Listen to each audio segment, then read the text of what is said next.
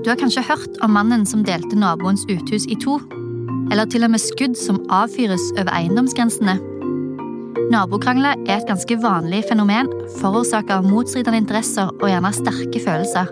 Og de skjer ikke bare mellom naboer på land. I likhet med naboer flest må òg havnæringene leve side om side.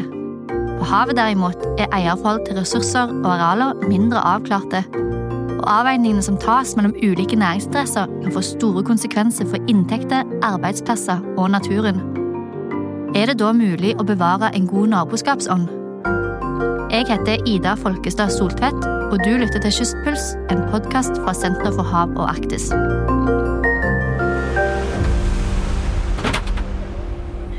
Vi vil nå fokusere på sikkerhet. Vi ber deg ta av hodetelefonene og følge nøye med på sikkerhetsdemonstrasjonen. Vi er på vei til Hammerfest, et livskraftig kystsamfunn med lange tradisjoner innen ishavsfiske, fiskeindustri og oppdrett.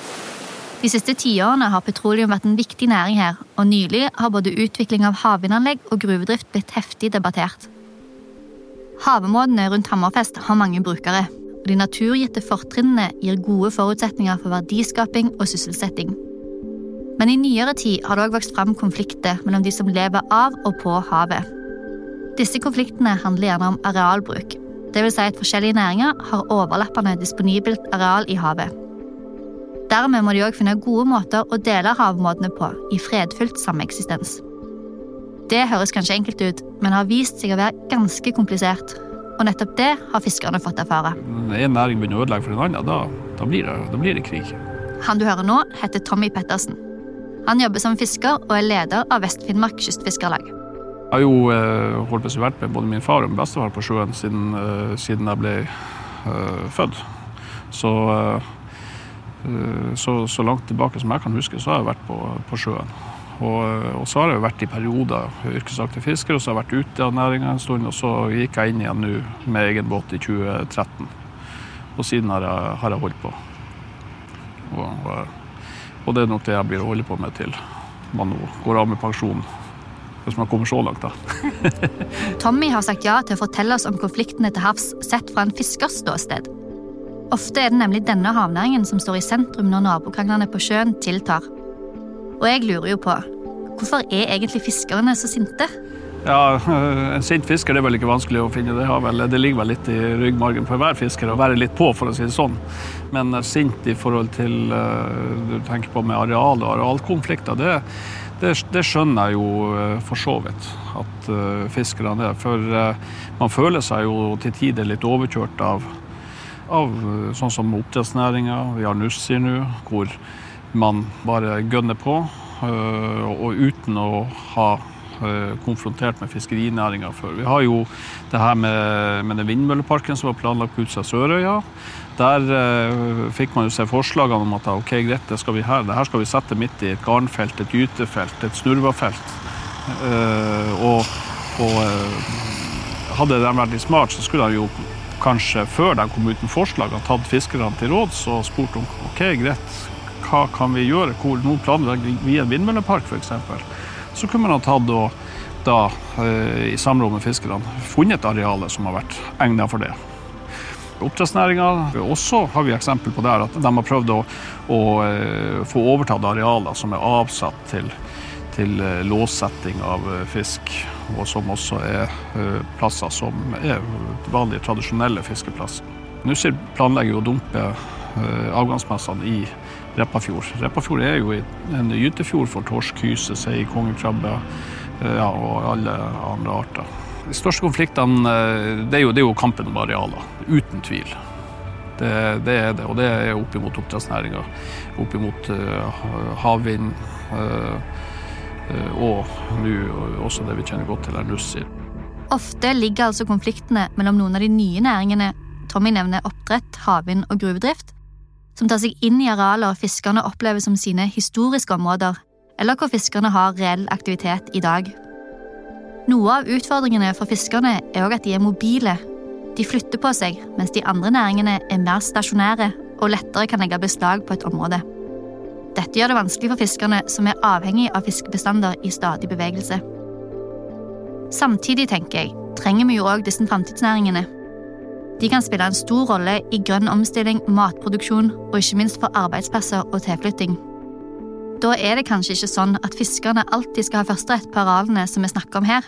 Jo da, det, det førsterett er førsterett, men det er jo som å si at eh, det man må gjøre, det er jo, eh, det er jo å snakke med eh, nemlig fiskerne, som er fagfolk. Og, og, de er kjent med strømforhold i hver fjord. Man, man er kjent med også hvor de lokale fiskeplassene er. Og det er klart Hadde oppdrettsnæringa vært mer ydmyk Nussir vært mer ydmyk, de som jobber for havvind vært mer ydmyk og tatt og og, og snakka med, med fiskerne før de begynner å prøve å presse igjennom sine eh, ønsker, så tror jeg nok det at man har fått mer goodwill for å, å montere opp både oppdrettsanlegg og, og, alt. Men så er òg Tommy enig i at arbeidsplasser, det er det behov for? Ja, det er klart det, det er jo behov for, behov for, arbeidsplasser. Det er det jo ikke noen tvil om. Det er ikke noe tvil om det. Men, men uh, man må bare gjøre ting rett. Og, eh, og det er klart så, Sånn som eh, når man diskuterer som fisker med politikere man, jo, man, man, er jo fagfolk innenfor sitt felt, og så sitter man og forklarer dem om strøm og strømforhold, f.eks. Det her med den vindparken som var planlagt på utsida av Sørøya. Og, og så holdt på å si det de skulle gjort, Han skulle bare sagt ja, OK, takk for opplysninga. Det her må vi ta hensyn til. Istedenfor å prøve å motargumentere og, og, og, og, lure inn vedtakene bakveien, for å si det sånn. Det, det, det er ikke en, eh, en fair måte å holde på. Så det kan altså se ut at fiskerne, i hvert fall i Hammerfest, føler at de ikke blir lytta til når ny næringsutvikling skal skje i havet. Og nettopp det kan jo gjøre fredfullt sameksistens vanskelig. Ja, for, for, altså Det må man jo se fra sak til sak, og så må jo de som har eh, lokalkunnskap, få lov å, å uttale seg. Uh, og, og, eh, og, det må bli tatt til følge hvis, hvis en, en, gruppe med fiskere og fiskerlagene går ut og sier at ok, den fjorden her den kan ikke vi bruke til havvind, eller arealet kan vi ikke bruke til havvind, for det ødelegger for mye. Men ta nå heller og se på det arealet eller det arealet. Få til en dialog der, så tror jeg det lar seg løse. Men når de sånn som eh, man har sett eksempler på, at man bare trør inn døra og spenner med leggen og sier at her skal vi ha det. ikke sant? Da, da er det jo ikke mye goodwill å få fra fiskernes side heller. Så jeg tror nok det at med litt mer ydmykhet og, eh, og respekt, ikke minst, for, for fiskerne som både fagfolk og, og, og, yrkesgruppe, så tror jeg nok det at det kan bli lettere å få til noe. Én næring må ikke ødelegge for en annen, uansett om det er håper jeg, om det er snakk om milliarder eller millioner eller hva det er for noe. Fiskerne kjenner konsekvensene av utfordrende sameksistens på kroppen. Men hvem er det egentlig som fatter beslutningene? Det er på tide å ta ett skritt tilbake, inn i maktens korridorer. Nemlig kommunehuset i Hammerfest. Her møter vi Marianne Sivertsen Næss. Jeg er ordfører i Hammerfest. Ble da valgt ordfører ved sist kommunevalg. Eh, men har vært da i lokalpolitikken siden 2007 og har vært varaordfører siden 2011. Marianne starter med å fortelle oss historien om en kommune som gikk fra pessimisme og fraflytting på 90-tallet til optimisme og vekst på starten av 2000-tallet. Hammerfest er jo en kommune som har en stolt fiskerihistorie. Eh, vi har jo også fra gammelt av vært stor på det med ishavsfangst, så vi har jo alltid pga. vår strategiske beliggenhet hatt et nært forhold til havet og levd av havet så har jo vi opplevd de siste ti årene en veldig nedgang i den aktiviteten rundt fiskeri. Vi hadde jo Nord-Europas mest moderne fiskeforedlingsfabrikk lokalisert i Hammerfest på 60-tallet og 70-tallet og 80-tallet, Findus. Som da medførte 1200 arbeidsplasser på land og rundt 500-600 til havs. Så det var jo en hjørnesteinsbedrift som eh, bidro til stor verdiskaping eh, lengst her nord. Så er det jo ulike grunner til at det har blitt bygd ned. Eh, og vi opplevde vel i min oppvekst på 90-tallet ganske sånn pessimistisk stemning, fraflytting. Eh, man mista litt trua på at her var det ei fremtid. Så når da Stortinget fatta vedtak om utbygging av Snøhvit i 2002, det handler jo om gass da, og videreforedling av det, så, så, snudde det totalt eh, den opplevelsen av pessimisme og fraflytting. Det var nesten på dagen så ble Hammerfest eh, fikk veldig stor tilflytting. Optimismen kom. Eh, mange bedrifter etablerte seg. masse barn ble født. Så vi har jo bygd både flere nye barnehager, pussa opp skoler og ja, velferd for innbyggerne som en følge av at man fikk petroleumsnæringa til Hammerfest. Og nå har vi jo også Goliat, som er da et oljefelt rett utenfor Hammerfest, i havnebassenget nærmest. Eh, som også har medført den samme veksten og optimismen. Og vi har fått eh, regionkontoret til det som var enig, og nå er Vår Energi, ble jo plassert i Hammerfest. Så det bidro jo også til at vi fikk ganske mye kompetansearbeidsplasser, mye aktivitet. Vi har en stor leverandørklynge som server de her næringene i havet. Med det har Marianne gitt oss et illustrerende eksempel på hvorfor ny næringsvirksomhet er så viktig. Og som også Tommy var inne på, er det ikke bare petroleumsnæringen som har etablert seg i Hammerfest. Parallelt med det så har vi også vært en mm, kommune som har lagt til rette for oppdrett. Så vi er jo, hvis jeg har tallene rett, så er vi den nest største kommunen i Nord-Norge på oppdrett. Og femte største i landet. Sånn at eh, vi har eh, stor aktivitet rundt eh, akvakultur. da. Vi er jo en kommune som har mye vind nå. Både på land og til havs. Så når det ble lagt frem Man hadde vel kartlagt fra nasjonalt hold hva slags områder som egna seg for havvind. Og da var jo Sandskallen som et område ute i havet her, da identifisert å være et mulig område. Ett av fem i Norge.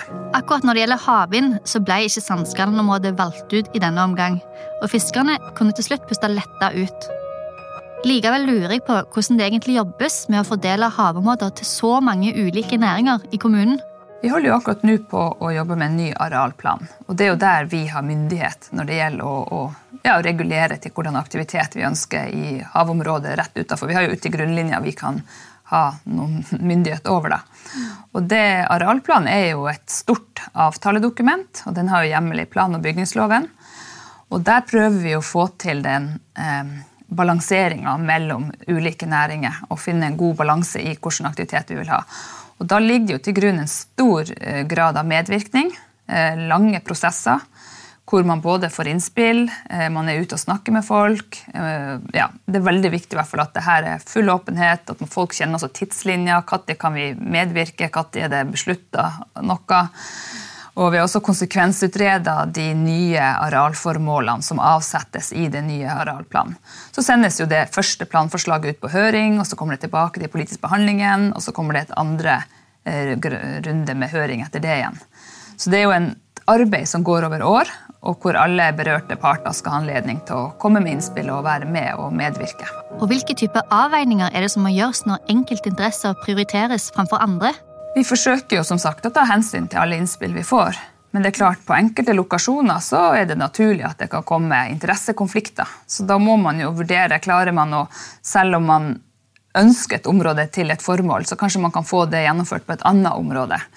Så, og selv om ikke alle får det akkurat som de ønsker, så er det jo som i alle andre prioriteringsarbeid når man skal avsette areal til noe, så å prøve å finne det som gir den beste helhetlige løsninga. Så jeg tror vi har eh, vi er på godt gang nå, i hvert fall, til å få en ny arealplan som klarer å balansere de ulike interessene. Og da er det jo spesielt det med I den arealplanen vi nå til havs nå jobber med, så handler det om å ha sitt areal til oppdrett, til eksempelvis tang og tare, til hvitfisk, vi har oppankringsplasser som må identifiseres. Og så må vi selvfølgelig forholde oss til nasjonale laksefjorder og de begrensningene det setter, og fugleliv. Altså, det er mange hensyn å ta. Og så er det ikke alltid opp til kommunen å bestemme. Du hørte kanskje Marianne si at de i arealplanlegging til havs har myndighet ut til grunnlinja. I områdene utover det er det nasjonale myndigheter som tar beslutningene. Vindmølleparken på Sandskallen, som både Tommy og Marianne har nevnt, er ett eksempel på det. Når det gjelder utafor der, så er vi som sagt bare en høringspart. Så det er jo det som gjør det litt vanskelig også. Ehm, så vi har ikke så mye vi skulle sagt annet enn å komme med et høringssvar og komme med våre ønsker. Ja, vi ønsker jo både når det gjelder til havs, men også vindkraft på land, ønsker jo vi en større innflytelse. For det berører jo vårt næringsliv og vårt nærmiljø. Så la oss si at man gikk videre på et uh, område med havvindmøller som da ville få svært negative konsekvenser for fiskeriene, som igjen vil da få negative konsekvenser for våre eh, altså kystkommunene da, som er i nærheten. Så det er klart, alt som berører det livet vi lever her i vårt område, mener jo jeg at vi bør få mulighet til å være med og påvirke i større grad enn vi gjør i dag. Likevel er det i hovedsak de positive erfaringene som har satt seg best hos Marianne.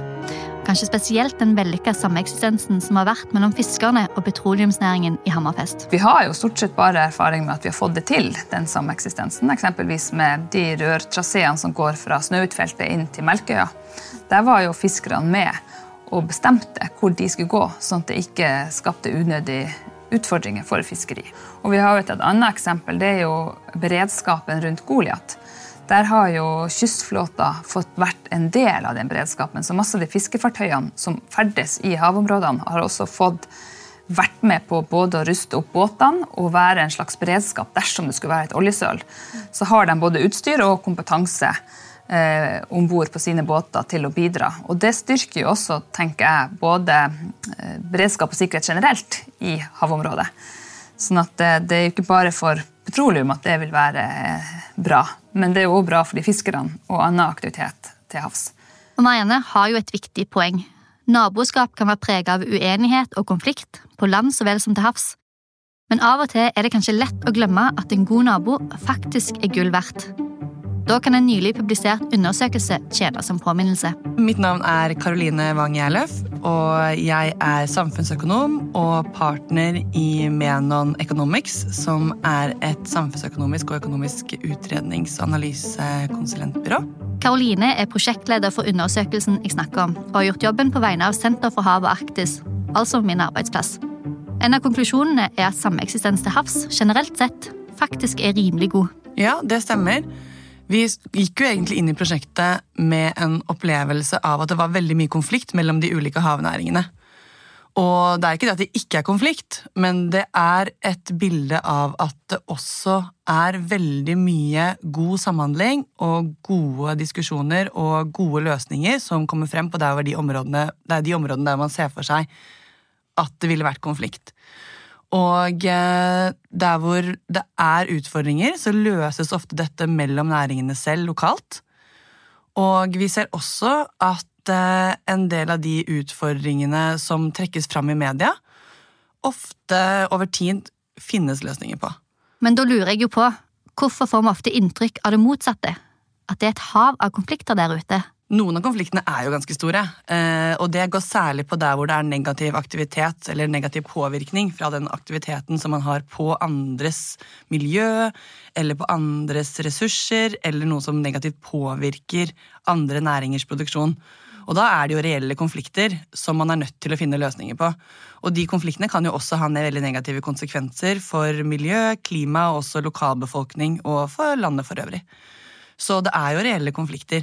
Men når man ser helhetsbildet, så er det veldig veldig mange interaksjoner mellom de ulike næringene hver eneste dag. Og de gode historiene som kommer der, de hører vi som regel ikke så veldig mye om.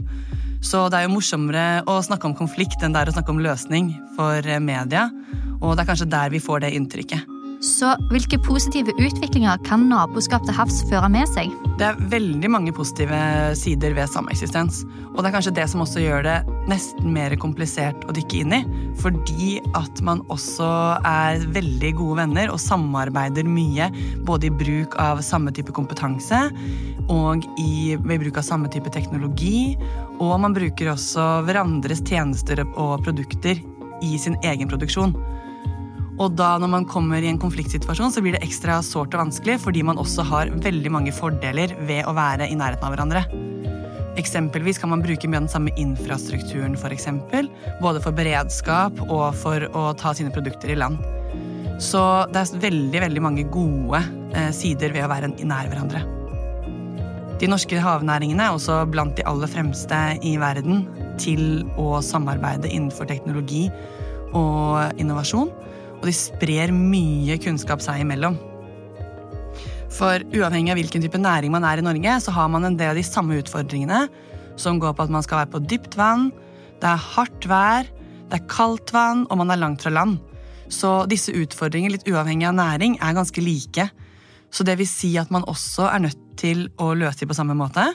Og hvis man klarer å dra de fordelene av at det er flere da som ønsker å løse de samme konfliktene eller samme utfordringene man står ovenfor, så har man muligheter til å både kunne bidra til bærekraftig økonomisk vekst fremover, men også til å løse veldig store utfordringer som vi står overfor på klima- og miljøsiden. Så det er nok løsningen, og det som er veldig, veldig lys i tunnelen for god sameksistens fremover. At man fortsetter å ta i bruk de gode samarbeidsformene man har der. Så er det jo veldig viktig at havnæringene òg bevarer et godt naboskap til hverandre i framtida. Særlig med tanke på nye havnæringer som kommer til. Hvordan kan de få til det? Ja, akkurat når det gjelder de nye næringene, så er det et ganske utfordrende spørsmål, egentlig. Fordi det er ganske ulikt hvordan de ulike næringene som er nye og fremvoksende, er. Eksempelvis sånn som havvind, som springer ut av olje og gass, som allerede har veldig mange etablerte kanaler, har åpenbart noen fordeler der, fordi man allerede er en mye mer profesjonalisert organisasjon. Og eh, det gjør det enklere for dem å manøvrere seg i det landskapet som er, både på regelverk, forvaltning og på den dialogsiden opp mot eh, andre aktører og forvaltningen. Eh, for en del nye aktører, som egentlig skal da starte på et mye mindre Både at man har et mye mindre format, eh, at man har mindre investeringsmidler og mindre ressurser, så kan det være ganske utfordrende å hevde seg, og ikke minst ha mulighet til å kunne legge beslag på noe areal. Og også forstå de spillereglene som er litt sånn underkommunisert i havrommet. Og også forstå seg på hvilke type departement, direktorat og hvilket regelverk man egentlig ligger under.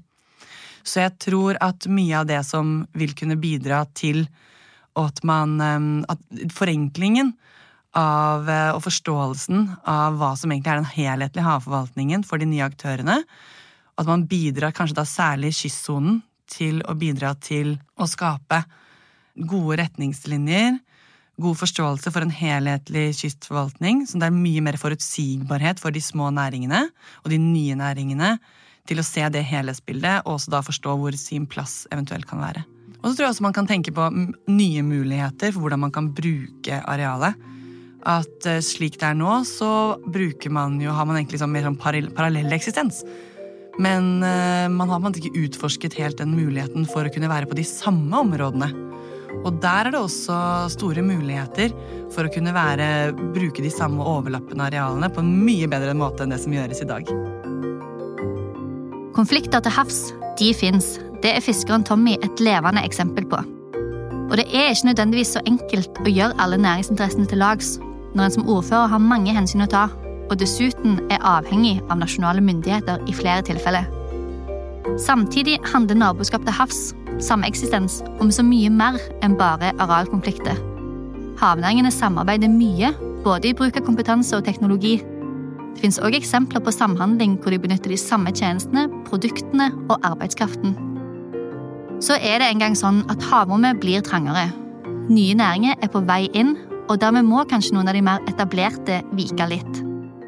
Da blir det viktigere enn noensinne å skape god dialog, involvering og tillit sånn at man kan sikre god naboskapsånd, forståelse og samarbeid i framtida.